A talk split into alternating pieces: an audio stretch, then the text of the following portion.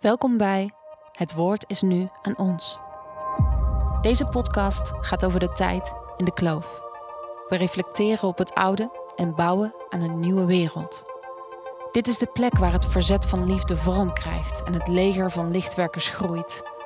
En waar met elke nieuwe luisteraar de community van vrijheidsdenkers groter wordt. Dit is de galerij van de ziel. Transformeer met me mee en luister naar eigenwijze verhalen van wakkere harten. En word deel van de tribe van Rising People. Ik ben Stefanie Vatta en dit is Het Woord is nu aan ons.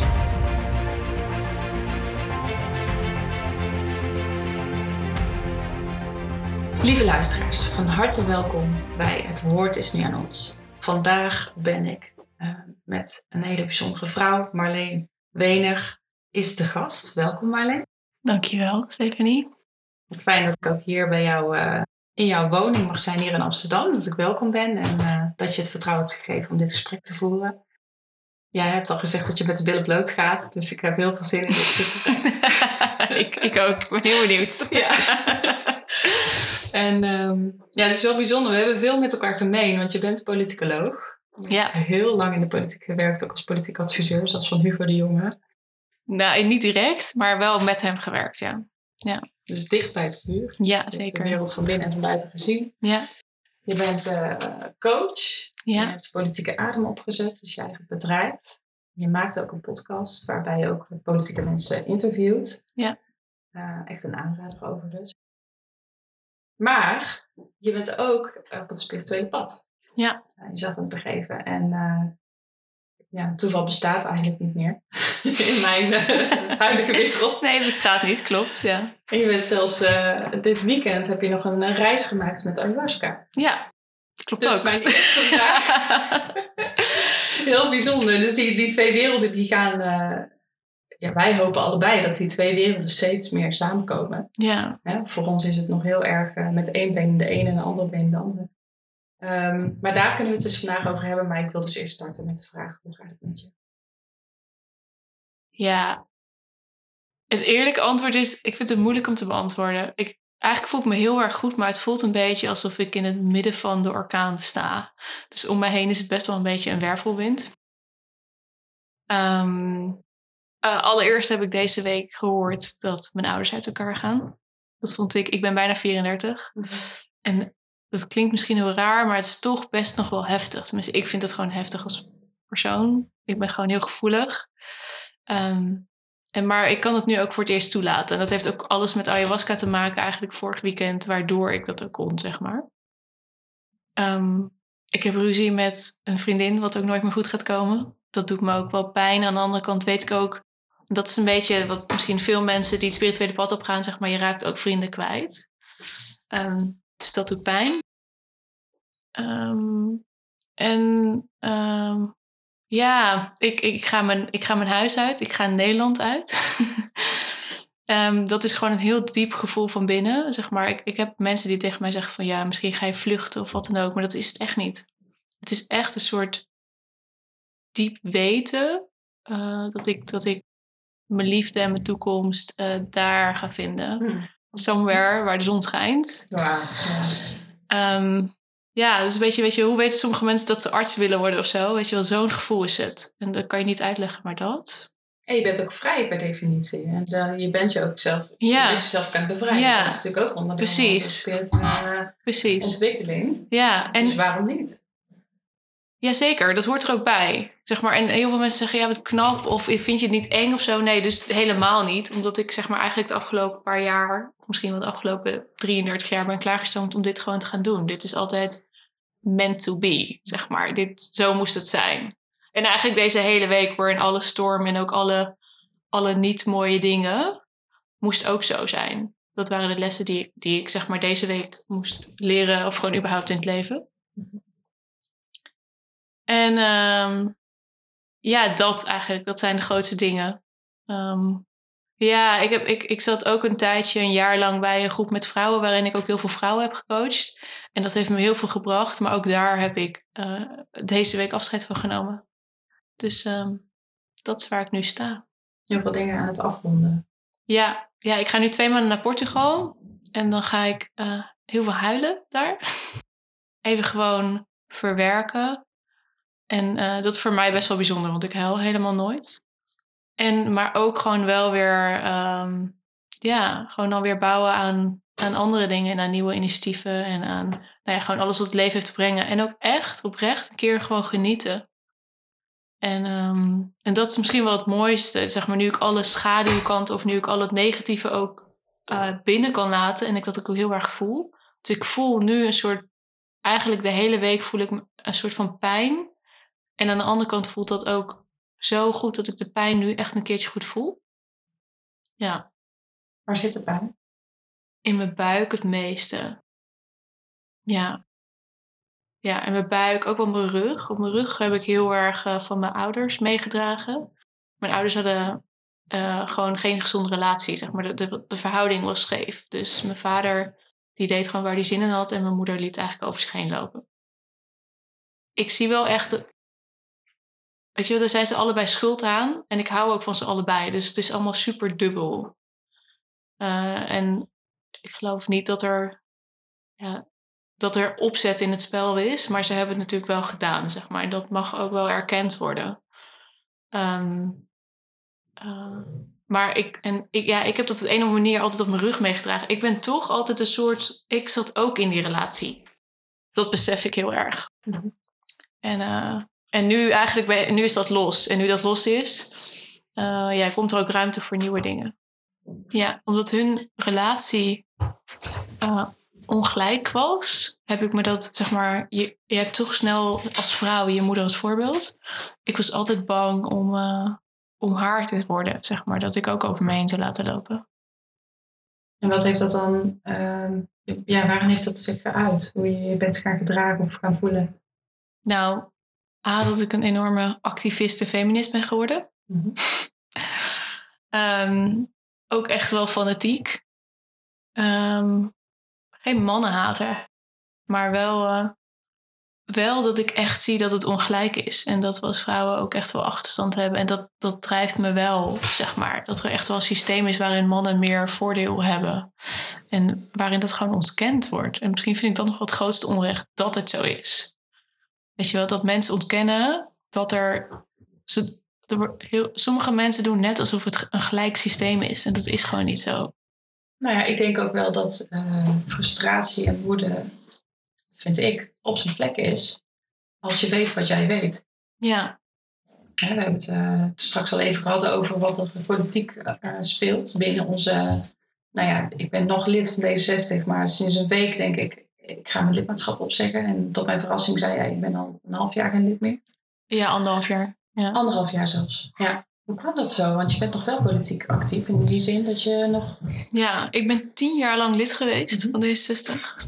Ik heb uh, in 2012 heb ik de, uh, de campagne gedaan van uh, landelijk D60. En toen al, toen al ging de, de leider toen, Pechtold, die ging met allemaal Leidse meisjes die gewoon 21 jaar waren. En die gingen wel eens campagneteam googelen.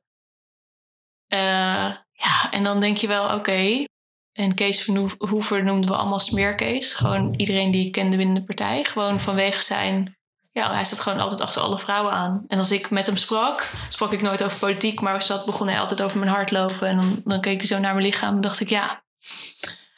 En um, ja, dat, dat was eigenlijk gewoon heel erg altijd aanwezig. En even voor de luisteraars, deze mannen die bevinden zich in een, een zeer hoge machtspositie. Ja. dus uh, ja. het is nogal uh, anders of dat je misschien in een gelijkwaardige positie een man seksistische grappen maakt, waarbij je misschien wel of niet opgewassen bent om je daartegen te verdedigen. Ja. Maar in zo'n positie is dat natuurlijk wel degelijk gevaarlijker. Ja, nou ja, misschien voor sowieso, even voor de luisteraars die het allemaal niet weten. Er is dus nu binnen D66, en dan praat ik hè, begin 2021, een onderzoek ingesteld naar, een, naar aanleiding van een anoniem iemand die, uh, die iets heeft verteld over Frans van Drimmelen. Die naam is ook, die las ik gisteren nog op de NOS-site. Dat is ook zeg maar een partijprominent, om het zo maar even te zeggen. Um, ja, waar, waar die vrouw toch wel aantijgingen tegen, die, uh, tegen Frans heeft uh, ingebracht. Uh, omdat hij ook over, over de. Hij zat in de commissie die ook over de lijstvolgorde gaat. En waardoor die vrouw uiteindelijk geen kans heeft gekregen om dus een politieke carrière te maken.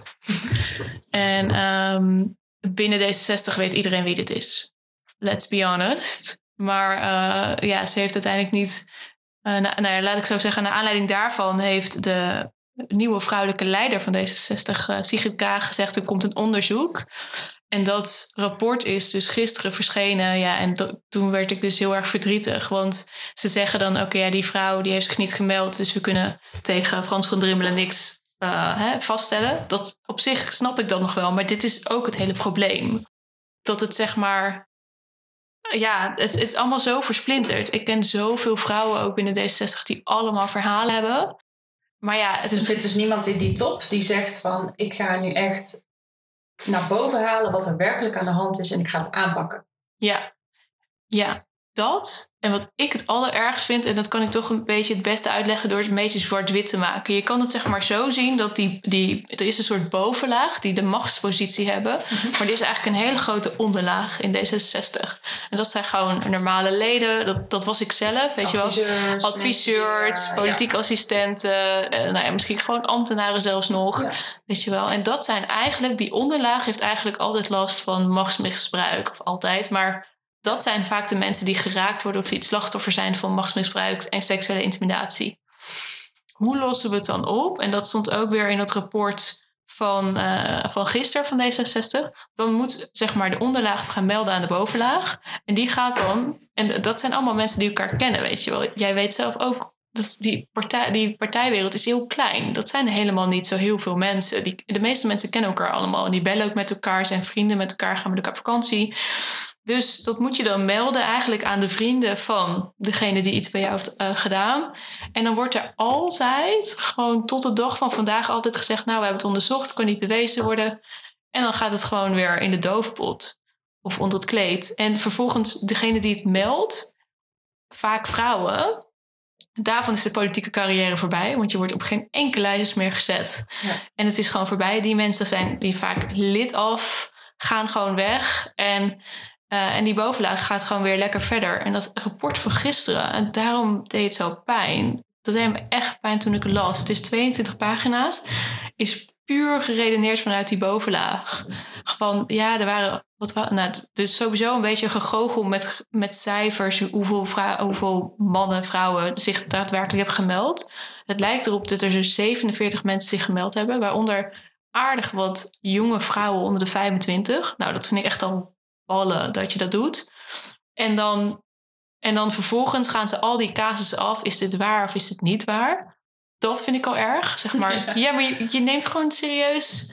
Het is echt wel, het is vereist super veel lef om dat te doen. En dat je dus dan al. Het is toch al bewijs dat er al zoveel vrouwen meldingen hebben gedaan. Ja, nee, maar dit is de top of de top of die ijsberg. Er is gewoon. Ja, precies, precies. En ik kan daar gewoon niet bij. En er wordt gewoon, en dan zeg maar als aanbevelingen, ja, we gaan naar de structuur kijken. En dan gaan ze dus een commissie opzetten met partijprominenten, met burgemeesters, met Winnie Zorgdrager, weet ik veel wat. Maar dat is toch, dat, zeg maar, dat, dat maakt het drempel om het te melden alleen maar groter. Want dat zijn vriendjes van degene die, die het doen.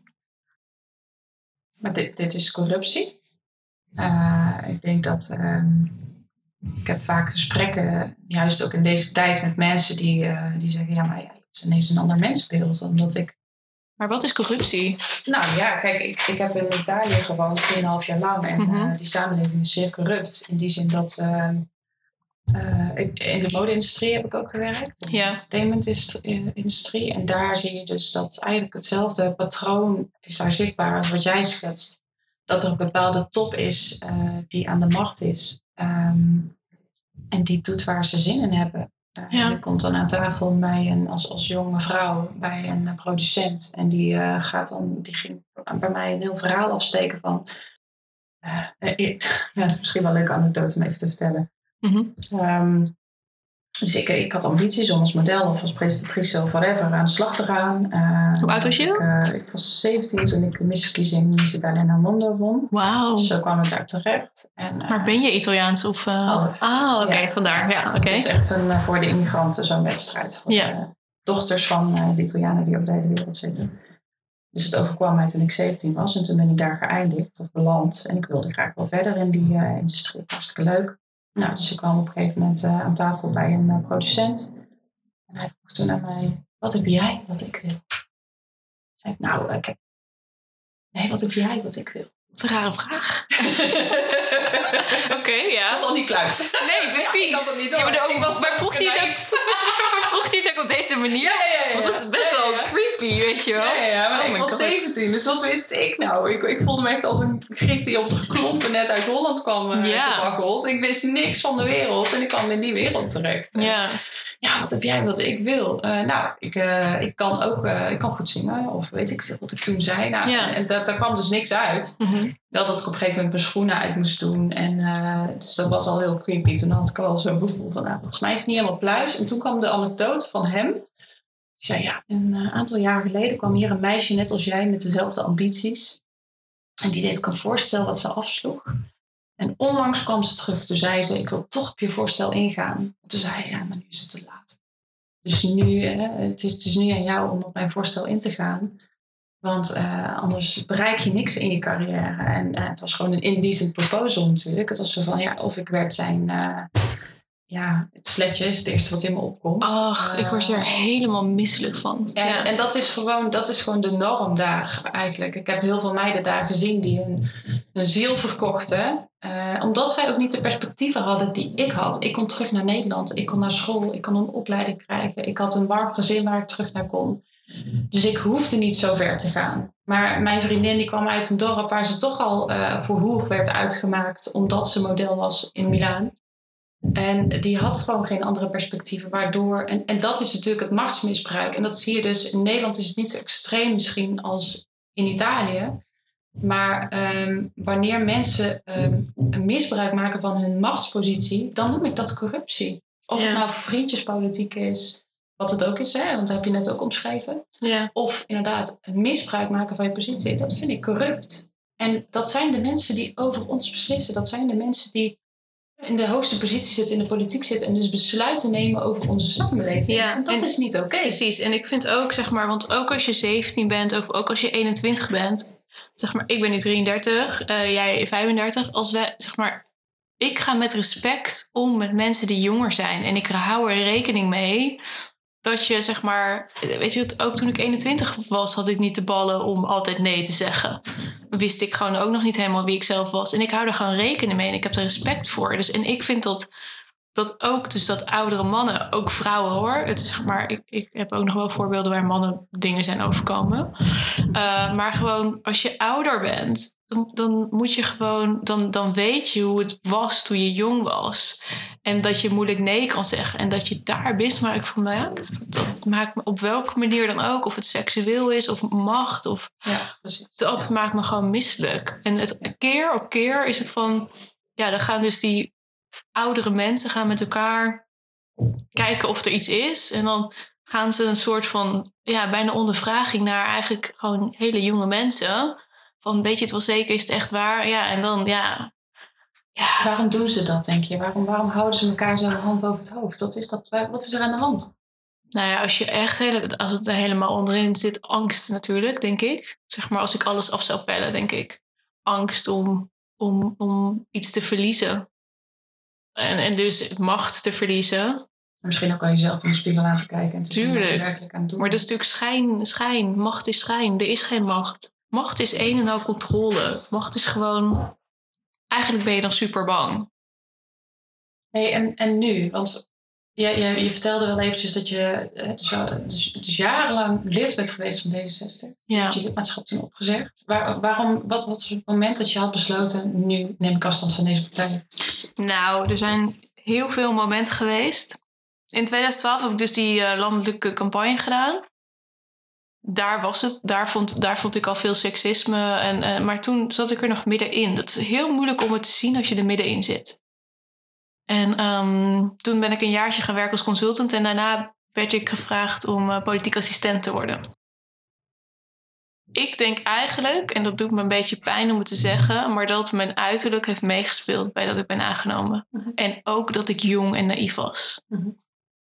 En ehm, eh, die wethouder die me aannam, dat was eh, een, een oudere man van 50. En ehm, aan de ene kant heeft hij het hart op, heel erg op de goede plek, zeg maar. Aan de andere kant, ja, eh, heb ik het gevoel dat hij me ook aannam omdat, omdat hij gewoon, ja, gewoon lekker zijn gang kon gaan. En weet je wel, ik zou hem toch niet echt in de weg zitten en hij kon mij gewoon gebruiken. Hij zei ook heel vaak dat ik, uh, gebru- nou ik ben bijna misselijk als ik het zeg, gebruik moest maken van mijn uiterlijk. Mhm. En niet één keer, dat zei hij wel wekelijks of zo. Wat bedoelde hij daarmee? Ja, gewoon echt vanuit een mannelijk perspectief dat, dat ik dat kon misbruiken. Dus dat ik zeg maar vanuit mijn positie mijn vrouwelijkheid kon. Hij zei heel erg, ja, kijk, ik. Kijk, dit is denk ik, dit is denk ik de, het cruie eraan, zeg maar. Kijk, hij heeft nooit iets, iets seksueels naar mij of zo. Zeg maar, dat, zeg maar, wij hadden op zich wel een heldere relatie. Maar hij probeerde vanuit zijn... Hij zei van, ja, ik heb ook kwaliteit en die zet ik ook gewoon in. Weet je wel, hij is een lange man en hij maakt daar, hij maakt daar gebruik van. En hij zei tegen mij, ja, ehm, dat moet jij ook doen, want dit is nou eenmaal wat, je, wat God je gegeven heeft, wat dan ook. Dus da- daar moet je gebruik van maken. En, en iets in mij, ja, verzette zich daartegen of zo. Zeg maar gewoon, ik wil gewaardeerd worden om wie ik ben en om mijn inhoud. En ik denk wel dat in de jaren dat ik daar werkte, dat ik echt wel goed werk heb gedaan. Van alle, ik was politiek assistent. En eh, van alle politieke assistenten, iedereen is gekomen en weer gegaan. Ik heb daar vier jaar lang gezeten. En ik was in het begin echt de enige vrouw, altijd en overal. Ehm, en ehm, ja, ik, ik vond het gewoon moeilijk om mijn weg erin te vinden. Omdat ik ook wel gewoon voelde dat, dat, dat je, je wordt gewoon anders benaderd. Mensen gaan anders met je om, omdat je een vrouw bent. Ja, en een jonge aantrekkelijke vrouw. En dat speelt inderdaad mee. Ik bedoel, ik heb, ik heb het zelf ook gevoeld toen ik... eh, de, nou ja, ik wist dat ik het kon gebruiken. Ik, heb, ik, heb, ik weet nog dat ik... Heb je dat gedaan? Nou, weet je, ik heb me er ook heel lang tegen verzet. Ik weet nog wel dat ik dan eh, naar huis fietste. En dan fietste ik langs een drukke weg. En dan eh toeterde een vrachtwagen naar me. En dan stak ik mijn middelvinger op, want toen werd ik hartstikke woest. Ja. Maar op een gegeven moment dacht ik ook van ja, weet je, eh, het is zo. En ik, ik, ik gebruik inderdaad wel de tools die ik heb, net als talenten die ik heb.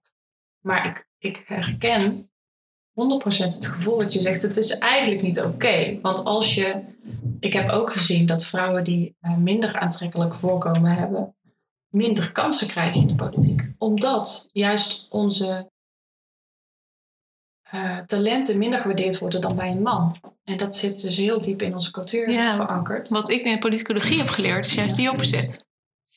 Zeg maar. En dat is een beetje, ja, het, misschien niet aardig dat ik het zeg, maar eh, Thatcher en Merkel, die zijn juist zo ver gekomen omdat het eigenlijk een beetje onaantrekkelijke vrouwen zijn. Een beetje Ja. m- bij man-vrouw, hoe noemen we dat? Ehm, en eh, dus ook dat schoonheid werkt heel erg als je medewerker wil worden, eh, politiek assistent of ja, gewoon, I don't know, iets, iets waarin je zeg maar een machtig persoon zeg maar ten dienst staat. Maar op het moment dat je zelf, jij bent zelf wethouder geweest, ik weet niet hoe dat is, maar ehm, om daar te komen als mooie vrouw, dat schijnt dus veel moeilijker te zijn in Nederland in ieder geval. Ja, er zitten gewoon heel veel eh, carrière-tijgers in de politiek. En dat maakt ook dat het een soort van spel wordt. Dus het is een wedstrijd. En die wedstrijd is permanent. En ik merkte dat dat me ook wel raakte. Dat was gewoon. Het is altijd een concurrentie, weet je wel.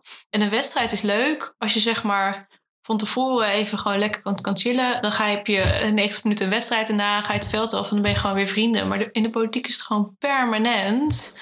Kunnen er gewoon mensen van achter je aanvallen of van links je voorbij vliegen of dat. Weet je wel, je moet altijd op je hoede zijn. En ik kan gewoon, je kan gewoon, ik, ik kon niet mezelf zijn in de politiek. Ik heb dat ook wel eens gezegd. Kan, jij dat, dat- kan je dat toelichten, wat je daarmee bedoelt? Mezelf zijn? Ja. Nou, dat komt eh, aan de ene kant door die wedstrijd. Nou, het het eerlijk verhaal is ook dat ik mezelf nog te weinig kende en dat ik te weinig wist dat ik heel gevoelig was. Eh, daar kwam ik steeds meer achter ook. En ik, nou, oké, laat, laat ik het zo zeggen. Ik ben op een gegeven moment in de politiek toen kwam ik erachter dat ik eigenlijk een altijd permanent soort muur om me heen heb gebouwd om maar niet te voelen. En toen ik dat door had, toen dacht ik, wauw, er zitten heel veel mensen in de politiek met een muur. Daarom kunnen we het ook zo goed met elkaar vinden, want het is zo herkenbaar. Want je kan je eigenlijk niet echt kwetsbaar opstellen. Je kan niet echt zeggen uh, wat je voelt. Of, uh, en, en, want dat, dat telt niet, want de rest wil eigenlijk niet voelen. Dus gaan ze dat iedere keer wegkaatsen. Daarom ook gevoelsargumenten doen er niet toe. Klopt. En waarom doen die er niet toe? Omdat de ander niet kan voelen. Ja. Eigenlijk, en ze kunnen wel voelen, maar ze willen niet voelen. Want als ze echt gaan voelen, dan voelen ze hun eigen pijn. Ja. En dan kunnen ze ook niet doorgaan in de positie waarin ze zitten. Ja, en dat dit vraagt zoveel van je, dat je ook niet de tijd en de ruimte hebt om uh, diep te gaan. En, uh, Precies. En dat is ook, ook, ook de man waarvoor ik werkte. Die was gewoon, die was en die is nog steeds een workaholic. Ja, dat, dat is mijn koude psychologische analyse toch wel een beetje van. Die wil ook niet voelen, die vlucht ook. Weet je wel, in het niet voelen.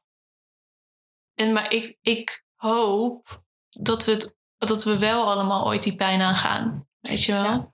Ja, want we zitten hier ook om met elkaar ook een nieuwe wereld vorm te geven. En jij droomt er ook van. En hoe ziet die er dan uit? Eentje waar iedereen dicht bij zijn gevoel is. Waar nog wel dingen fout gaan in de wereld. En waar het misschien ook niet allemaal perfect is. Maar waar we wel elkaar in de ogen kunnen kijken en kunnen zeggen: hé, hey, dit was niet perfect. Of dit was fout. Maar hey, laten we dat erkennen en laten we kijken hoe we het kunnen oplossen. Want een probleem is pas een probleem als we er een probleem van maken of als we er niet over praten. Of weet je wel, dat is perspectief. Er is geen goed of fout. Dat is iets wat wij zelf maken. Maar omdat wij niet met elkaar open en eerlijk dat gesprek willen kunnen hebben. En omdat we niet onze kwetsbaarheden kunnen zien of willen zien of laten zien, kunnen we nooit het gesprek aangaan. En als je, als je dus wel echt kwetsbaar bent, als stel dat wij iets met z'n tweeën willen doen, en er gaat iets mis en ik, en ik durf me kwetsbaar op te stellen, kan ik gewoon naar je toe. Dan zeg ik, hey, dit was mijn intentie, die was goed. Het heeft een beetje verkeerd uitgepakt. En als jij dan ook kwetsbaar durft te zijn, dan kan je zeggen, hey, dat is oké.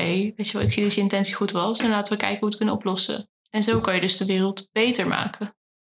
Wat we nu doen, is dat ik al niet naar jou toe zou durven gaan, zeg maar dat het probleem vervolgens gigantisch wordt. En dat ik dan dat probleem, dat ik dan zeg, dat is dus niet mijn probleem. En het probleem blijft, ik neem de verantwoordelijkheid niet. Jij bent boos en ja, en er gebeurt dus niks. En daarom denk ik dat kwetsbaarheid en elkaar in de ogen durven kijken en, en, en dat zien en dat erkennen, dat dat de oplossing tot heel veel is. En als we dan zien dat dat dus misgaat in de, in, in de politiek, in de top, um, maar waarschijnlijk ook in, in het bedrijfsleven. Hè? Dus ja, ja, het is overal. Samenleving. Ja, het is overal, ja. Wat, wat doet dat dan? Hoe zie je dat dan terug in de samenleving zoals die nu is? En hoe zou die er eigenlijk uit kunnen zien als wij dus, zoals je net schetste, wel vanuit ons hart gaan leven en met elkaar gaan samenwerken? Ik denk dat de eerste stap is erkenning dat dit zo is. Mm-hmm. Want we kunnen pas iets, iets veranderen als mensen zien dat het er is. En ik zie het overal, omdat ik ook vrouwen coach. Dus zeg maar even twee voorbeelden. Ik coach een vrouw van 26 jaar. En um, iedere keer als zij iets zegt in, binnen haar bedrijf, zij werkt in, bij een techbedrijf, start-up met allemaal mannen. Dan zeggen die, zeg maar, dan, zegt, dan heeft zij een leuk idee of dan wil ze iets pitchen. En dan zeggen die mannen tegen haar: Ja, dat kan jij niet weten, want jij hebt wel 26, ik wist om 26 ook niks, dus je moet gewoon je mond houden. Ja, sorry, maar hallo. weet je wel? En dat zijn, dan, dat zijn dan nog jonge mannen, weet je wel? Dat choqueert me dan ook nog wel. Ook nog, ja. En, um, en bijvoorbeeld, maar ook, ik coach ook een, uh, een vrouw die zit Dat is ook gewoon dom, hè? Qua business ook. Bedoel, Super als je dom. niet gewoon Tuurlijk. stemmen en diversiteit ja. laten horen. Ja. Nou ja. En, en, en die vrouw... Zit je kwaliteit in de ja. dus ja. En een andere vrouw, zij is, zij is uh, in de veertig, manager. En... Um, uh, werkt ook eigenlijk bij een mannenbedrijf. En uh, die, die heeft het laatst voor haar team opgenomen. Dus uh, nou, er moesten allemaal mensen, nou, er moesten allemaal veranderingen worden gebeuren in haar team. En zij zei op een gegeven moment: Oké, nu is het genoeg. Weet je, ik bescherm de mensen die onder mij zijn. En toen had het hogere management tegen haar gezegd dat ze ja, moederkloek. En nou ja, dat hadden ze echt gewoon heel vaak tegen haar gezegd. Dat ze nou ja, waar ze mee bezig was. En dat ze ook, dat ze, weet je wel, dat ze eigenlijk ook gewoon in dienst moest zijn uh, van, van het management. En toen wilde ze eigenlijk gewoon een jonge vrouw er neerzetten die dus ja en amen neer zou zeggen tegen het hogere management. Even in het kader van machtsmisbruik. En hoe ze dat dan tegen zich gebruiken. En, maar deze vrouwen, allebei, die hebben heel erg een soort iets van: ik wil hier iets tegen doen. Ik wil die mannen overtuigen dat wat ze doen, dat het verkeerd is. Mm maar het is gewoon, je gaat er aan onderdoor. Ja. Je gaat er helemaal aan onderdoor en je wint. Het is ja. En, en het, is, het is jouw woord tegen, tegen het hunne, zeg maar, tegen, tegen de groep ook. Je wint het niet. En dat is dus overal zo. Ja. En, en dus kiezen we allemaal eieren voor ons geld. Heel eerlijk, de vrouwen die ik coach, ik zeg het ook soms tegen ze. Weet je, het doet me, het doet me pijn nu ik het zeg ook, voel ik het ook ja, ja ga, je, ga je echt oprecht dit bij een meldpunt melden? Ga je dan naar een advocaat? Uh, ja, weet je wel? Ja. Dat, dat, ja, ik snap als ze het niet doen. Ze willen het doen en ze voelen het activisten, activistische in zich, maar het is gewoon, het is, die stap is te groot. En dus doen ze het niet. Ja, ik voel dat dilemma ook een beetje met dat ik in mijn afscheidsspeech. Ja, dat was een mooie speech trouwens. Dank je. Ja, toen durfde ik openhartig te zijn. Ja. ik sprak ook mijn berouw uit. Van, kon ik maar zo openhartig zijn in de functie zelf? En dat is een beetje het dilemma wat jij ook schetst. Ga je het wel melden of niet? En ik denk wel dat het goed is om, nou ja, misschien als je eigenlijk al afscheid aan het nemen bent, om, om dan nog toch wel die melding te doen. Doe zoveel mogelijk als je kan. Maar ehm, en je moet op een gegeven moment voor jezelf kiezen. Dat heb ik ook ervaren. Ik ging ook aan onderdoor op fysiek. Ja, ik heb het één keer proberen aan te kaarten. In algemene zin. Dat was in, um, ik werkte dus in Rotterdam. En de wethouder waarvoor ik werkte was ook um, de wethouder, zeg maar, personeelszaken, om het zo maar even te zeggen. En bij de gemeente Rotterdam werken 11.000 mensen. Nou, en dat was in de tijd van MeToo. Ik denk, ik denk dat het 2015, 16 was. Ik weet het even niet. Ik, ik zat er in ieder geval tussen 2014 en 2018. Dus in die, in die periode, periode, was het met MeToo. En het begon natuurlijk bij, uh, hoe heet je ook weer? Epstein. Ja, Epstein, maar ook Harry Weinstein. Oh ja. Harry Weinstein. Nou, dus echt die filmwereld en die actrices. En, want daar is natuurlijk ook een scheve verhouding. En toen dacht ik, waar blijft de politiek? Ik weet dat er in de Europese Unie nog een soort van commissietje is ingesteld. En dat is toen ook snel in de laag geschoven of zo. Maar de Tweede Kamer, weet je wel, niks. Een soort stilte. En toen dacht ik, wat kan ik nou doen? Toen dacht ik, ja, ik werk voor de wethouder personeelszaken. Daar werken 11.000 mensen. Statistisch is het onmogelijk dat daar niet iets plaatsvindt. Mhm. En ik wist natuurlijk vanuit mijn eigen cirkel wel ook wat daar zeg maar er was bij mijzelf ook iets heel heftigs. Kan misschien straks nog wel. Ik weet, ik weet niet of ik dat kan vertellen. Dat was wel, dus zeg maar, ik voelde ook die pijn. En ik herinner me nog zo goed dat ik in het oude stadhuis in Rotterdam, het supermooi stadhuis. Dus we zaten in een hele mooie kamer. Dus ik zat bij de wethouder aan tafel. En er zaten twee uh, beleidsambtenaren bij bestuursadviseurs, die had jij denk ik ook, of niet? Nee, ik, zat, ik werkte in het oh. Dus ah, oké, daar hebben ze dat misschien doen. Nee, dus er zaten twee, twee bestuursadviseurs bij, waar ik, waar ik gewoon veel mee werkte. Of drie misschien, maar eh, twee weet ik er nog zeker. En ik wilde dat aankaarten. En volgens mij had ik het ook met hun van tevoren besproken van ja, jullie moeten me een klein beetje helpen. Omdat me gewoon, ja, ik vond het heel moeilijk. Ja. Het is bizar, weet je wel. Over alle andere dingen kon ik eigenlijk gewoon dat zo tegen hem zeggen. Maar ik merkte toen ook, toen ik zei van ja, ik wil iets met me too. Uh, en ik merkte ook dat ik toen helemaal rode wangen kreeg. Terwijl ik, ik, zag, ik, zag, ik zag hem elke dag, die wethouder. En toen vond ik het ineens heel moeilijk of zo. Zegt eigenlijk al heel veel, hè? Dat gevoel dat je dus hebt. Maar ik vond het moeilijk. Mhm. Maar dat was het. Hij wist helemaal niet. Hij raakte een soort van in paniek. Hij ging het op mij betrekken. En uh, dat was gedeeltelijk waar. Maar het was ook zeker niet waar. Want ik zat daar ook zeg maar als een soort van activist aan tafel van... hé, hey, maar we moeten hier iets mee doen. Er is ook MeToo binnen onze eigen organisatie. En toen zeiden ja, als er iets met jou is, dat, hè, dat kan je gewoon melden. We hebben vertrouwenspersonen binnen de organisatie. Nou, dat ga ik je zo nog even vertellen daarom, daarom raakt D66 me zo, omdat ik hier gewoon zelf ervaringen mee heb. En, um, en uiteindelijk is dat op niets uitgelopen. Dat heeft geresulteerd in een berichtje op de website, op de interne website, op het intranet van de, van de gemeente Rotterdam. Nou, ik weet niet hoeveel mensen dat dagelijks checken. Ja. checken. En daar stond dan bij, mocht er iets zijn met MeToo, dan zijn dit de vertrouwenspersonen. Nou, dat waren allemaal vertrouwenspersonen zonder foto, telefoonnummers klopten niet. Nou ja, het was echt gewoon niet op orde. En toen kwam ook, toen kwamen er dus, want we zaten dus eigenlijk maar met vier mensen daar aan tafel. Die hele dag zijn er door, zeg maar, want dit ging als een soort lopend vuurtje door het stoethuis heen. De hele dag zijn de collega's naar me toegekomen, mannen, vrouwen. Die hebben me verhalen verteld, joh. Echt, ik krijg er nog tranen van, van in mijn ogen als ik daaraan denk. Ja, en dat was het, weet je wel. Daarna heb ik er nooit meer iets meer... Toen dacht ik echt, holy crap, weet je wel. Het is zo'n beerput waar niemand aan durft. En dat durfde ik dus ook niet door te pakken.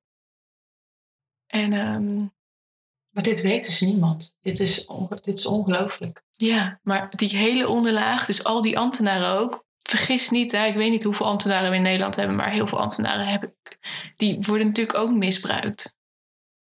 En vergis ook niet dat er ook, de ambtelijke organisatie is ook heel hiërarchisch. Daar is ook machtsmisbruik. Ja. Maar Binnen, Vertel eens wat er gebeurt allemaal. Wat voor verhaal heb je allemaal gehoord? Want dit weet dus niemand. Ja, echt van alles. Behalve als het ze zelf overkomt. En dan denk je dat je... Ja, gewoon bent. mensen die gewoon in, in lokalen worden getrokken of waar dingen mee gebeuren. Of ja, gewoon echt, ja. Ja, ik gewoon, ja. Dit gewoon- gebeurt dus in een, op de werkvloer, in een organisatie. Wat bij de dus gemeente Rotterdam, wat best, Ja. wat ik een serieus. maatschappelijke organisatie is. Waar, Ja, maar daar werken gewoon heel veel, er werken duizenden mensen. En, en, maar aankaarten is dus heel moeilijk. En zeg maar, ik heb het gedaan. En er komen dus allemaal collega's naar me toe... die allemaal 10 jaar of 20 jaar of 30 jaar ouder waren. Want sommige mensen vertelden me ook gewoon verhalen van 30 jaar geleden. Weet je wel? Ehm, maar hey, zij hebben dus al de ballen niet om het te doen. Ik was toen 27. ik moest een soort van al mijn ballen bij elkaar halen. En, eh, en ik heb er iets van gezegd, maar dat was het ook. Weet je. Ik had ook weer niet de guts om door te gaan. En mijn eigen casus. Jezus, ehm, dat was dat ik. en nou, eh, meerdere dingen hoor. Eh, eh, en ook met verschillende mensen. Maar één ding was dat ik op een gegeven moment op vakantie ben gegaan. En daar was op een gegeven moment toevallig ook een collega. Nu moet je ook, en daarom is dit dubbel, want zeg maar, ik heb er ook zelf aan meegewerkt. Dus dat, zeg maar, daarom heb ik moeite met dit vertellen. Kijk, je moet weten, ik reis heel veel. En ik reis altijd met mensen samen. Dus ik heb in mijn leven wel met 300 mensen losgereisd. Dus met verschillende vriendinnen, maar ook gewoon mensen die ik op reis tegenkom. Dus ik, was, dit was, ik ging naar Israël. En ik was daar en dat was ook toevallig een collega. En toen dacht ik, eh, en ik was 29, hij is 46. Hij is twee meter, eh kaal hoofd. Eh, nou ja, dat. En hij was daar toevallig. Hij, hij appte me. Hij zei, ben je er al? Ik Echt, hè? Wie is dit? Want ik sprak hem eigenlijk maar... Ja, bij de printer, weet je wel. één keer per week of zo. Hij werkte bij de fractie van Leef Rotterdam. Hij was de hoofdfractie. Heeft in het leger gezeten bij Dutchbed, weet je wel. Dus, ehm, en... ehm, hij wist dat jij daarheen zou gaan. Ja, dat had ik hem schijnbaar verteld. Maar dat is net, weet je wel, dit was eigenlijk. Ik werkte superveel. Dus die jaren dat ik in de politiek werkte, eh, had, vluchtte ik ook in mijn werk. Weet je wel, dat verwijt ik de wethouder van waar ik werkte, maar ik deed het zelf ook. Dus ik werkte 24-7. Dus ik had eigenlijk heel hard gewerkt. Zeker in mei is eh, zeg maar ook een hele financiële maand. Ik werkte dus ook voor de wethouder Financiën. Dus het was heel druk in mei. En toen kwam juni en heb je allerlei gemeenteraadsvergaderingen. Nou, dat is gewoon lang werken. En die, die vergaderingen gingen ook vaak tot vijf uur 's ochtends door. Ik weet niet of Rotterdammers dat weten, maar echt holy shit, wat een vergaderingen. En eh, ik was gewoon moe en op. En ik had, ja, ik had tussen neus en lippen door wel eens gezegd dat ik daar op vakantie ging. Maar hey, en ik was dus op een gegeven moment... Ik had tot de laatste dag gewerkt, mijn tas gepakt, was naar Israël gevlogen. En toen kwam ik dus, stond ik op het vliegveld. En toen kreeg ik dus dat appje van hey, ben je er al? En toen dacht ik echt... Eerst dacht ik, wie is dit? Toen dacht ik, huh, is hij hier ook? En, zo. En toen dacht ik, nou ja, als hij hier dan toch is... dan kan ik ook wel met hem ja, wat dingen doen of zo. Ik dacht, het is eigenlijk misschien ook wel relaxed of zo. Dan kunnen we een beetje gewoon leuke dingen doen. En ehm, toen hadden we dus eh, met z'n tweeën een auto gehuurd op een gegeven moment. voor, van mij uit gewoon vanuit vriendschap. En had ik ook meteen vanaf het begin af aan gezegd: hey, no, no strings attached, had ik volgens mij tegen hem gezegd. Dat vond hij een hele stomme opmerking. Maar ik zei: hey. Ehm, was niet in zijn plaatje. ja, dus ik dacht. ehm, eh, en toen gingen we naar de klaagmuur. Ben je, ben je ooit in Israël geweest? Nee, maar ik ken het uit de Oké. Ja, dus is, zeg maar voordat je bij de klaagmuur komt, moet je door een soort ja, mees, zeg maar door een soort doolhof, met zo'n klein Medina-achtig eh, dingetje waar allemaal kleine winkeltjes zijn. Dat is echt super moeilijk om eigenlijk de ingang van de klaagmuur te vinden. Tenminste, wij kwamen vanuit die kant en het was een beetje moeilijk zoeken. En we liepen daarheen en hij werd super zenuwachtig of zo. En toen zei ik, wat is er? En toen zei hij van, ja, ik heb, hij zei, ik heb een mes bij me. ik dacht echt, serieus, het leek wel een film. En op het moment dat hij dat zei, toen stonden we ongeveer zes meter van de ingang van de klaagmuur af. En stond gewoon één zo'n bewakertje bij zo'n, hoe noemen we dat? Zo'n eh, met- metaaldetector ding. En, toen, en, en eh, ze stonden daar, stonden nog aan de zijkant twee van die militairen met van die mitrailleurgeweren. Maar ja, we stonden er al, dus we konden ook niet echt terug. Dus ik zei echt, wat? Echt. Maar ja, en toen zei hij, nou, toen had hij een soort van zijn schouders op. En toen liep hij daar naar die metaaldetector toe. Dus er lag weer zo'n bakje waar je dan je telefoon en alles in doet. En hij pakt zijn telefoon eruit, zijn portemonnee en weet ik veel, zijn riem deed hij af. En toen deed hij ook zeg maar gewoon zijn één pijpstrook die omhoog. Pakte hij dat mes eruit. Hij had zo'n James Bond-achtig ding om zijn been. Weet je wel. Legde dat in het bakje. En die bewaker, die kijkt zo naar dat bakje. Hij loopt door die metaaldetector heen. Schuift dat bakje door naar de andere kant. En hij steekt gewoon alles weer terug. Dus we lopen daar gewoon bij die, bij die klaagmuur met dat mes. En ik dacht echt... What the fuck? What the fuck? Ik dacht ook, ik dacht, A, dacht ik dat de klaagmuur een van de best beveiligde objecten ter wereld wa- was, waar je Ja. zeker niet met een mes naar binnen Ja. zou kunnen. Nou, dat kan dus gewoon. Twee, hij heeft een mes. En toen vertelde hij ook dat hij altijd een mes heeft. En dit is bizar, want dit was ook de tijd van Charlie Hebdo. eh, allemaal aanslagen. Het was super onveilig in die periode. Wij, werkten allebei met Abu Talib. Die werd permanent beveiligd. Ongeveer alle deuren van het stadhuis werden in die tijd stalen deuren. eh, die je amper open kon krijgen. Dus ik zat daar soms ook over te grappen. En dan zei, zei ze, ja, dat mag je niet zeggen. Want de mensen mogen niet doorhebben dat we een stalen deur hebben. Dan denk ik echt, ja, ik moet zo'n beetje mijn hele gewicht aan die fucking deur gaan hangen. Weet je wel? Dus was permanent was het ook, zeg maar, ja, super onveilig. En, maar eigenlijk hij, die gewoon in en uitloopt omdat hij een pasje heeft, loopt daar dus gewoon met een mes. Nou ja, lang verhaal kort.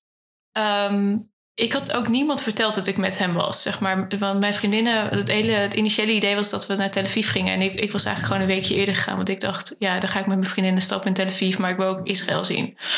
Dus toen, ehm, ja, op een gegeven moment kregen wij een zo slaande ruzie. Want hij kijkt zo anders tegen de wereld aan. Wij kregen echt... Ja, En waar was dit in het hotel dan? Of, eh, ja, in de, in de kibbutz. Dat was ik ook allemaal nog nooit geweest. Maar dus ik zat met hem in een kibbutz. Hij was al negen keer in Israël geweest Wat is zo. een kibbutz? Ja, een kibbutz is een klein dorpje eigenlijk. Maar helemaal afgesloten, hermetisch. Ook uit veiligheid, zeg maar. Ja. En ehm eh, toen hadden we zo ook slaande ruzie gekregen... dat we op een gegeven moment zeiden... oké, we gaan uit elkaar. En toen waren we dus in het noorden van Israël. Ik word hier helemaal misselijk van als ik aan denk. Dit was 2017 of zo. En Israël is aan de grens met Syrië. En toen zei hij de volgende ochtend, toen was het een beetje bedaard, zeiden we: Oké, nu gaan we terug. We gaan terug naar Tel Aviv. En, eh, ehm, en toen zei hij van, maar hij zo, ik wil je eigenlijk nog iets laten zien. Hij zo, we gaan toch op de, we gaan wel terug, maar nou ja. Dus en toen dacht ik ook, nou, oké, weet je wel, we hebben toch al, het, ja, we zitten gewoon niet op één lijn. We zijn gewoon andere mensen en dat is oké. Dus hij zei, eh, ik wil je wat laten zien. Ik is goed, dan gaan we dat doen en daarna rijden we terug naar Tel Aviv. Toen reden we dus naar de Syrische grens. Naar de Valley of Tears. En ik stapte dus uit de auto. En het enige wat ik... Dat was een, ehm, een gebied aan de grens met Syrië. Dus eh, zeg maar in Israël, maar aan de grens met Syrië. En daar is helemaal niks. Gewoon, ja, woestijn. Dus staan, daar, is ooit, daar is ooit een gevecht geweest toen eh, Syrië Israël aanviel in 1973, als ik het goed zeg. In ieder geval zoiets.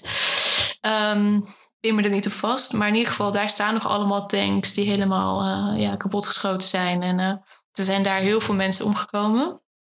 En er reed alleen zo'n wit UN-wagentje rond. En uh, ja, ik stapte uit, het was super warm. Ik had, ik had slippertjes aan en een, een, roze, roze jurkje. Dat weet ik omdat ik de foto nog heb. En, en hij ging echt. Hij wilde van mij een foto dat ik voor op die tank zat. Op, dus er, stond daar, er stonden daar een paar tanks. Dus, dus ik heb een foto van mezelf dat ik voor op die tank zit met die slippers. En zeg maar als een soort pin-up girl voor die tank, weet je wel. En toen liep ik nog een beetje rond en ineens zei hij, pas op, pas op, mijnen. En toen ineens, ik stond seri serieus bijna op een mijn. Gewoon echt, ik weet niet, vijf centimeter van een mijn af. En toen pas zag ik de bordjes dat er gewoon overal nog mijnen lagen. Shit. Holy shit. En ik zei echt, toen dus liep ik weer terug. En op een gegeven moment hoorden we ook gewoon geweerschoten in de verte. En ook gewoon allemaal rook en, en bommen. En we konden dus gewoon uh, Bagdad zien. Zeg maar dus gewoon, en toen kon ik ook op telefoon kon ik zo kijken. En toen zag ik gewoon in de verte dat daar gewoon de oorlog gaande was. En ik ben nog nooit van mijn leven zo dicht bij een oorlog geweest. En ja, ik wilde gewoon weg. Ik zei ook tegen hem, ik wil gewoon gaan. Weet je, ik wil gewoon, ik wil hier nu. Gewoon niet veilig. Om. Nee, en ik zei, ik vond, ik lijk wel een soort, we lijken wel een ramptoerist. Weet je, ja. ik zo, daar gaan mensen nu, op dit moment gaan mensen nu dood. Ja. En wij zitten hier. Ja, en toen, hij wilde gewoon, we konden gewoon Syrië rijden. Weet je, er lag gewoon een weg daar. En dus hij zat nog een soort van te grappen. Ik weet niet of hij dat nou als grap deed om mij te stangen. Maar toen was ik, ik geloof niet dat ik, ik dat was het meest duidelijke nee in mijn hele leven. Dat ik echt zei, nee, ik wil echt niet, ik, zou, ik, ga, niet naar, ik ga niet naar Syrië rijden. En nou ja, en toen reden we dus uiteindelijk terug naar Tel Aviv. Um, en toen werd het op een gegeven moment al heel donker. En het duurde heel lang voordat we in Tel Aviv waren. En, en zeg maar, Israël is ook weer niet zo groot. Weet je wel, je kan, op een gegeven moment moet je er wel zijn. Het is niet dat je daar twintig uur kan rijden, weet je wel. Dan ben je echt wel het land uit. Dus toen dacht ik, ja, hoe kan nou dat we er nog niet zijn? Dus op een gegeven moment keek ik op mijn telefoon en toen zag ik dat de Tel Aviv al voorbij waren gereden. Toen begon hij een beetje warrig. Het, het was echt al donker. We waren midden in de woestijn. Een beetje in het zuiden, maar dan in het zuiden, maar in het midden. ik weet niet of dat. En daar was, we zaten dus helemaal in de woestijn. En, uh, en toen zei hij van, uh, ja, ik heb misschien een beetje nachtblindheid of zo. Nou ja, dus ik zei, oké, nou, ik, ik kan gelukkig rijden. Dus toen nam ik het stuur over, maar het was echt al s'nachts. En we moesten nog een stuk doorrijden, want het was zo'n snelweg waar je niet meteen de andere kant op kan, zeg maar. Er zit zo'n vangrail tussen. Dus we moesten eerst nog een stuk weet ik veel, 10 kilometer, 20 kilometer doorrijden. En dan pas konden we draaien en konden we terugrijden naar Tel Aviv. En toen vertelde hij eigenlijk dat hij, dat hij al drie jaar lang verliefd op mij was. En dat dus toen hij, toen hij hoorde dat ik naar Israël ging, dat hij me dus achterna gevlogen is. En ik zei toen tegen hem, ik zei, ben je me achterna gevlogen? Toen zei hij, nee, nee, nee, ik ben je vooruit gevlogen. Weet je wel? En toen dacht ik ineens, fuck, ik, heb, ik dacht, wie weet eigenlijk dat ik hier ben? En toen dacht ik, shit, hij heeft dat mes. Ik dacht, ik ben nu in de woestijn, s'nachts, alleen met hem, met iemand die een, mes heeft, die zegt dat hij verliefd op me is. En ja. Die waarschijnlijk een van de oorlogstrauma heeft. Dat het is heel vreemd wat hij zojuist gedaan heeft. Ik, precies. En toen dacht ik, oké, ja, als ik nu ga zeggen dat ik hem niet leuk vind. Nou, ik weet niet hoe ik, zeg maar, maar ik werd ineens super scherp. Ik ging allemaal vragen stellen. Ik dacht, ik moet dit gesprek gaan houden tot we in televisie zijn. Ik was dacht echt, ik serieus, ik zag het krantenartikel voor me dat hij me gewoon daar neer zou steken in die woestijn en me zou begraven. Dan serieus, niemand had me ooit gevonden. Niemand, niemand wist dat ik met hem was. In die end heeft hij niks gedaan. Dus zeg maar, en dat voelt super dubbel. Want ik was er natuurlijk zelf ook bij. En ik heb zelf het ook allemaal zo ver laten komen. Maar dat, dat klopt dus niet. Nee, ja, maar dat is dus. Dat klopt niet. Want jij, jij hebt gewoon jouw eigen intenties gehad die niks te maken hebben met zijn intenties. Ja, en ik denk ook, hij was 46. En ik, ik was 29, 7, ik weet het, 29 denk ik. En dat is dit. En wat het ook is, ik bedoel, hij heeft je dan uiteindelijk niet aangeraakt, maar het is wel een. Uh, hij is wel erg over jouw grenzen heen gegaan en hij heeft jou uh, naar plekken toegenomen en uh, in onveilige situaties gebracht. En. Ja, maar waarom heeft hij niet gewoon Kijk, dat je iemand leuk vindt, dat kan je mensen niet kwalijk nemen. Maar hij haalt me ook in Rotterdam Gewoon kunnen vragen of ik een zin had in een koffie of een biertje. Of zoiets. En dan had ik in een cafeetje kunnen zitten. En dan had hij gezegd, ik vind je leuk. En dan zeg ik, ik vind je niet leuk. Had ik afgerekend. En dan was ik weggegaan. De angst die ik alleen al heb gevoeld in het verhaal wat jij vertelt. En ik denk dat de luisteraars dat ook hebben gevoeld. Van wat gaat er gebeuren? Dat heb jij echt meegemaakt. En dan nog een keer tien. En dat is op zich al zo'n heftige ervaring. Dat is gewoon niet oké. Ja, en, dat, en dan nu even terug naar het stadhuis Rotterdam. Wij hebben dus afscheid genomen. Op een gegeven moment was ik ook weer terug na de zomervakantie. Ehm, hij was daar nog steeds met een mes, liep daar rond. Ik ben naar mijn manager toegestapt. Ja, die vond het een heftig verhaal, maar die zei: Ja, nou ja, ik ga over de gemeente, hè, dus ik ga over de ambtenaren. En hij werkt voor de fractie van Leven Rotterdam. Dus ja, daar gaan wij niet over. Maar je kan wel met de bedrijfsarts praten. Of nee, je kan eerst nog met een vertrouwenspersoon. Nou, daar had ik al niet zoveel zin in. Want daar had ik eigenlijk al niet zo'n hoge pet van op. Want dit was in de gaat toch via de integriteit van de politiek? Dus dat zou dan toch ook via de griffie kunnen gaan. En via de burgemeester die voorzitter is van de hele Gebeurde allemaal gemeenteraad. niet. Gebeurde niet. Ik heb dit meerdere mannen verteld, ook wel collega's. Want ik heb, weet je waarom ik het heb verteld aan heel veel mensen? Ik heb ook tegen ze gezegd, dat meende ik toen. Ik zei, als ik, als ik word doodgestoken, als ik dood ben, als ik vermoord word, dan is hij het. Er is niemand in mijn leven die dat verder ooit gaat doen, maar dan is hij het. Heb ik ook tegen vriendinnen gezegd. Echt, omdat ik gewoon, ja, Je hebt gevoeld dat hij daartoe in staat is. ja, nou weet ik niet. Ja, nou ja, dat wist ik dus niet. Maar dat is ook angst, zeg maar. Dat ik dacht, ja. Ja.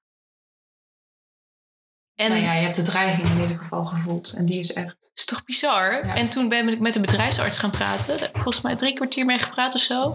En omdat ik ook dan aan yoga doe en dat soort dingen. En hardloop. Ja, toen zei hij, nou... En toen maakte ik ook ergens nog een grapje of zo. Zei hij, nou, volgens mij kan je er waardig goed mee omgaan. Prima zo. Dus laten we het hiermee bij laten. En dat was het.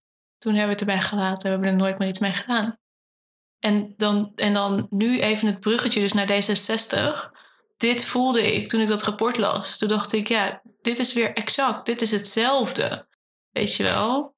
Dus je bent heel kwetsbaar. Er is iets gebeurd. Dan, dan durf je dat te melden. En dan, en dan, ja, dan wordt eigenlijk alleen maar heel zwaar gewogen of je gelijk hebt of niet. Ja. En je wordt eigenlijk helemaal niet serieus Er genomen. worden halve gesprekken gevoerd met eh, het slachtoffer. En er wordt En niet gesproken. Ondervraging is het. Het is een ondervraging. Weet Ja. je het zeker? Is dit wel echt zo? Ja. De angst waarin mensen zitten en de ongelijke positie, die wordt niet erkend. Mhm.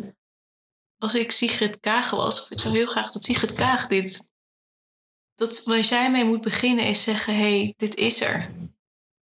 Ik ga gewoon zeggen dat het er is. En met dat het er is, zul je zien dat veel meer mensen er gaan komen.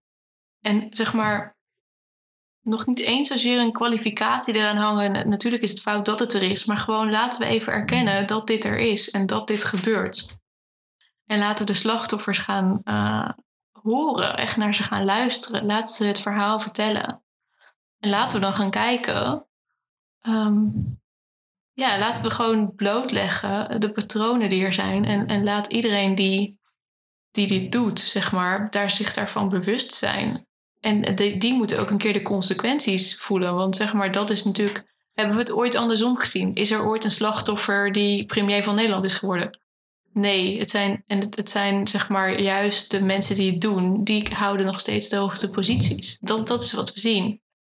En dus, als je dus iets wil, als je, als je dit al doet, als je je uitspreekt, weet je dat je politieke carrière voorbij is. En een politieke carrière is voor de meeste mensen een van de allerbelangrijkste dingen in hun leven. Niet meer voor mij. Daarom zeg ik dit ook. Maar als dat het wel is, dan doe je dit niet. Ja, terwijl nog altijd vind ik dat de intentie van een politicus, hoe dan ook, die samenleving moet zijn. En dus als je hiervan bewust bent, dus ik, ik vind daarmee de politici die, die dus wegkijken, niet integer. Nee. En voor mij is integriteit een, echt een enorm hoog goed. Ja. En ik ben daar ook, daarom ook, ik, ik vind ook, kijk, ergens denk ik, hè, we zijn echt een nieuwe wereld met elkaar aan het creëren. Ik geloof daar heilig in.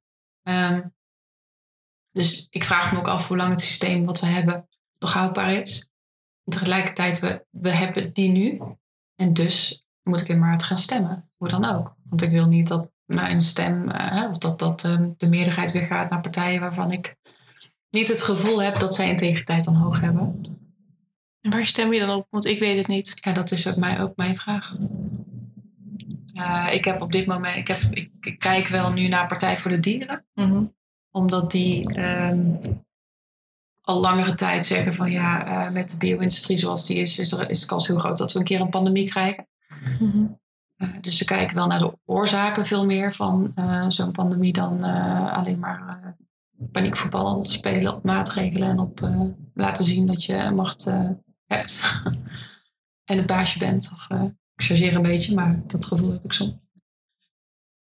Maar ik heb nog geen politicus um, ontdekt die echt achterste van haar tong durft te tonen. En ik snap dus ook 100% waarom. Daar hebben we het al de hele tijd ja. over. Van hoe... Ja, en ik geloof wel dat er vrouwen zijn die het willen. En het is ook heel moeilijk om, om vast te blijven houden aan jezelf. Omdat de mensen om je heen, zeg maar, het is heel moeilijk als de rest in een wedstrijd zit om niet mee te spelen, zeg maar. En je kan wel even niet meespelen, maar dan word je al heel snel een soort van eruit gewerkt. En het is, het is zwaar en moeilijk. Dus ik, ik snap ergens ook wel dus dat die vrouwen eieren voor zijn geld kiezen. Weet je wel, net als die vrouwen die coach. Weet je wel, ga je dit doen? Maar, en, en daarom werd ik zo boos gisteren toen ik dat rapport las. Ik dacht echt, ja, wanneer gaat er een keertje wat veranderen? Want ik ken achter de schermen heel veel vrouwen bij D66 die allemaal verhalen hebben. En misschien ook breder in de politiek. Dit is niet alleen D66. Dit is ook de VVD, ook de PvdA. Ja, we hebben het ook over seksisme, maar dit geldt ook voor racisme. Hè? Ik bedoel, dat zijn ja, ja. allemaal voordelen. Had ik ook, dat, heb ik er, dat heb ik er ook bij gezet. Um, racisme is er ook heel erg. En dat had ik gisteren. Ik heb gisteren ook een artikel op LinkedIn geplaatst. Daar heb ik ben ik geëindigd met PS. Racisme wordt überhaupt niet genoemd. Weet je wel. En dat, dat, dat geldt natuurlijk hetzelfde. Het is nog grotere taboe dan, uh, dan seksueel misbruik schijnbaar. Ja, maar wat, ik, wat me heel echt irriteert, en dan, dan word ik echt boos, is dat D66 net altijd met het handje, met het vingertje van, uh, hè, uh, of van Black Lives Matter, bla bla bla Ja. bla. Regenboog. Wow, dat. Ja. Weet je wel? Het is altijd, wordt heel vaak gewezen naar uh, één vrouw binnen D60 die heel fanatiek is met diversiteit. Ja. En dan is het, oh, we hebben haar. Ja, maar dat is niet voldoende. Want als zij, zeg maar, op het moment dat zij ambities toont, komt ze op zijn plaats 46. Ik noem maar even wat, maar het is echt bij far niet een plek die ertoe doet. Ja. En ook, zeg maar, mensen die hoog op de lijst staan. Echt, mijn gevoel bij mensen met een uh, diverse achtergrond, die worden zoet gehouden. En die worden gebruikt om stemmen te winnen. Maar het is eigenlijk niet echt de bedoeling dat ze een positie krijgen. Ja, ja. absoluut. En daar speelt uiterlijk. En juist mensen die echt- authentieker zijn. Hè? Ik ken ook zo iemand uh, met een totaal andere achtergrond. Met enorm veel potentie. Uh, ja, die is ook wel eens op een plek eventjes op een podium neergezet om te tonen hoe divers we zijn. En dan vervolgens wordt hij weer uh, ontzettend laag gezet. En uh, omdat ook de kans te groot was dat hij misschien wel een ander geluid zou laten Ja. worden dan wat Pechtold uh, En uit. uh, ik weet nog, ik weet niet meer zijn naam, volgens mij heette die Tim. Die um, uh, was ook een zwarte jongen. En in 2012, uh, als we dan een groepsfoto moesten maken, dan stond ik vaak aan de ene kant van Pechtold en dan aan, aan de andere kant stond hij dan. En ik heb echt wel vaker met hem zo gegrapt van, nou, daar staan we dan weer voor de diversiteit. Ik vond jouw aflevering 4 uh, met Julia Wouters ja. uh, ook heel erg interessant. Die dus ook schrijft over seksisme, uh, vertelt en een boek heeft geschreven ja. over seksisme. Zijkant van de macht, heel mooi boek. Ja. En uh, zij schrijft dus ook van, nou ja, de meeste partijen, behalve dan de partij van Thierry en Denk en de SGP, die hebben op nummer 2 een vrouw staan. Omdat ze er niet meer onderuit kunnen in deze tijd. Maar als het dan erop aankomt om te gaan onderhandelen, dan zitten ze dus uh, niet met nummer 1 en 2 aan tafel. Nee, dan zitten er weer alleen maar mannen aan tafel. Ja, ik vond het mooiste voorbeeld. Ja, nee, maar laatst ook. Laatst, laatst in uh, december. Excuus ben je dan. Ja, in, laatst in december uh, 2020. Toen uh, zat Mark Harbers aan tafel bij uh, Goedemorgen Nederland of zo. Hij is nummer 7 of 8 op de lijst. En daarvoor, je hebt Mark Rutte, dan heb je iets van zes vrouwen. En dan heb je Mark Harbers, uh, man wit. Sorry dat ik het even zo zeg. Um, en um, En, en hij zat daar aan tafel en dan vroeg, vroeg een vrouwelijke journalist van... eh, eh, ja, ga jij dan eh, de nieuwe partijleider worden? En toen werd ik al, ik werd al boos van de vraag. Toen dacht ik echt, hoezo? Dan worden er dus even zes vrouwen overgeslagen alsof die, die dan geen partijleider zouden willen worden. Of fractievoorzitter, of weet ik veel waar het ging. Maar in, in positie. En toen dacht ik echt, nou wat is dit? Ja, want vrouwen doen er net zo goed aan mee als mannen. Ja, maar dus ook de- ja, Precies, maar ook de journalistiek en ook die vrouwen. Precies. Hoezo zit daar niet een van die andere zes vrouwen aan tafel? En hoezo vraag je daar niet aan? Ja. We gaan zitten we, allemaal vast in die voordelen Ja. die, we, die we gewoon ingeprent hebben. Wat Ik dacht, de ik, ik, ik dacht, ben heel benieuwd als, als hij zeg maar als nummer zeven een vrouw was geweest, of ze die vraag had gekregen. Mijn gevoel zegt van niet. Maar daarom kan je ook eigenlijk bijna niet zeggen als blanke Nederlander, ik ben geen racist. Eigenlijk kan je veel beter gewoon openstaan voor, wat zijn de geluiden? Wat zijn jouw gevoelens? That's it. Je hoeft Ja. er geen oordeel aan te plakken. Je hoeft er geen label op te plakken, ik ben wel of niet racist. Zo zwart-wit is de wereld gewoon niet. Nee. Je kunt ook gewoon zeggen, jongens, we hebben met elkaar gewoon... Maar precies dat bedoel ik. Ja, Ja, laten we erkennen. Zeg maar, Ja. maar ik erken dat er een verschil is. Ja. En er is een verschil tussen mannen en vrouwen. Er is een verschil ook waarschijnlijk in leeftijd. Maar er is ook een verschil tussen huidskleuren. En dat is gewoon, dat is ook misschien onze, hoe onze hersenen werken. I don't, weet je wel, I don't know. Dat speelt vast allemaal mee. Maar zeg maar de ontkenning denk dat, het zo is. is. Verdeel Ja. Het Maar- werkt altijd. Ja, maar waar ik dus nu echt een hekel aan heb, is het ontkennen dat het zo is. Ja. En, en mijn grootste strijd, maar het komt gewoon omdat ik zelf vrouw ben en eigenlijk alle dingen die ik heb verteld, zeg maar, is gewoon dat niet wordt erkend dat dat systeem er is. En daarom vind ik Simone de Beauvoir ook heel mooi. Ik weet eigenlijk niet of ik dat nu al genoemd heb, maar dat zij zegt van dat er eigenlijk, we doen alsof er een neutraal systeem is. Alsof zeg maar hoe we de maatschappij hebben ingericht, alsof dat neutraal is. Dat is niet neutraal dat is zeg maar veelal een masculine manier van werken. En dat zie je heel erg op de werkvloer. En dat zie je heel erg in de politiek. En daarom hebben vrouwen er over het algemeen meer moeite mee. Ja. En nog iets waar ik me heel erg boos over maak... is dat er altijd wordt gedaan alsof vrouwen een minderheid zijn. Wij zijn, ik wil het scheldwoord gebruiken... maar wij zijn de meerderheid in Nederland. Het is bizar dat de grootste groep in Nederland... in bijna geen enkel segment oververtegenwoordigd is. Nou Dat- ja, op de werkvloer, hè. Dus leraren, er zijn meer vrouwen. Zorgzame, zorg. ja, ja, ja, maar de, de moederberoepen, om het zo maar even te zeggen. hè. Alles wat Ja. gerelateerd is aan opvoeding. Daar wel. Ja, we zijn ook niet, niet heel erg vooruit gegaan de afgelopen jaren als het gaat om emancipatie. Als je kijkt naar de feministische golf van de jaren 60, 70, wat er toen allemaal... eh, ja, het lijkt wel af en toe alsof we terug in de tijd zijn. Zeker, want ik heb ook heel lang op Tinder gezeten. Ik ben single.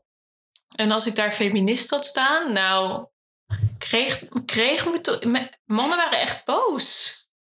Ik dacht echt, maar ik Dat, ben, heb je, dat, dat heb je gedaan op Tinder. Dat heb je ja, ja, dat stond, dan had ik gewoon zo'n lijstje met, eh nou ja, Kenmerken. eh, ja, gewoon weet je wel, Ja, wie ik een beetje ben. En daar stond ook onder andere feminist, stond ertussen. Nou, dat heb ik op een gegeven moment maar weggehaald. Ja, Ja, want dan ben je meteen een man uit.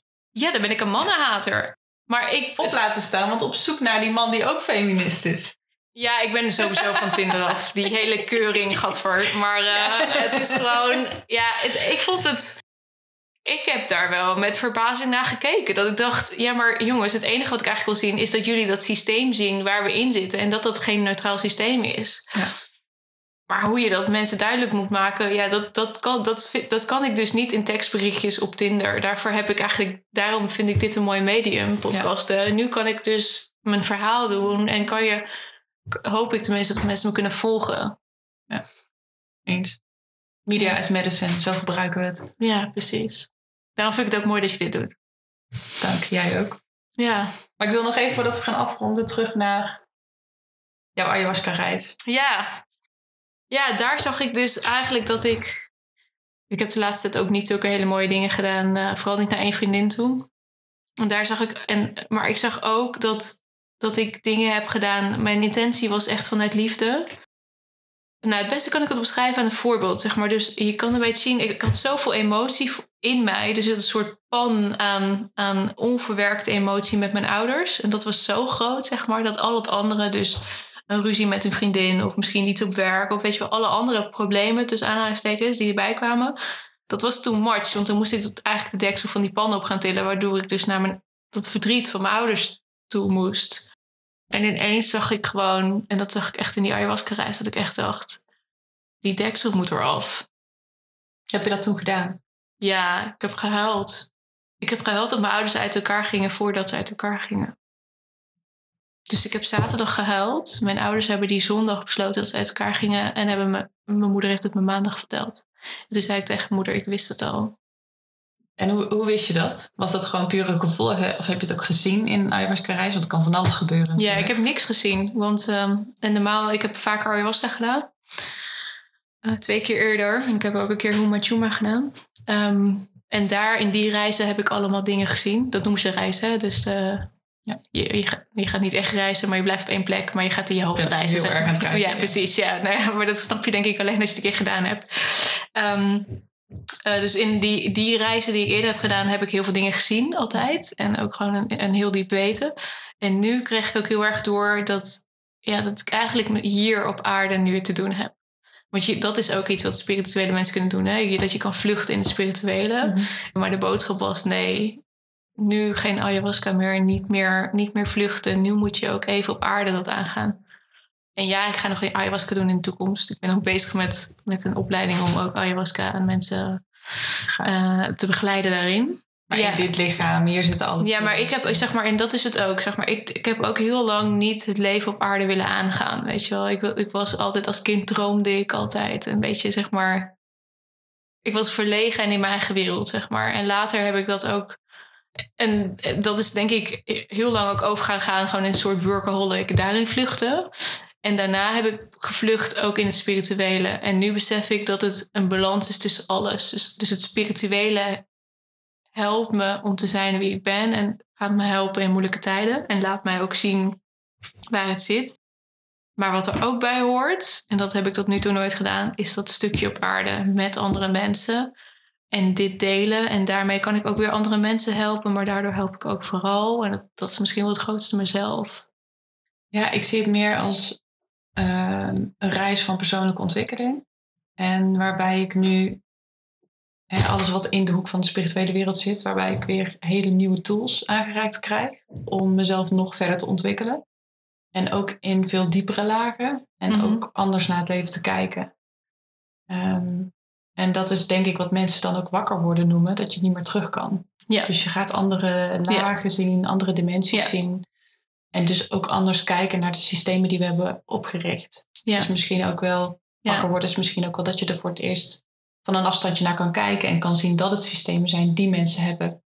Het is, het is bijna alsof je alsof mensen in de huidige samenleving in een soort van kooitje zitten, maar niet weten dat het een kooitje is. En Ja. dus ook niet weten dat de deur open staat. Ja, ja. en wat, wat ik daar zo pijnlijk aan vind, is dat je als je het eenmaal ziet, dan zie je de pijn.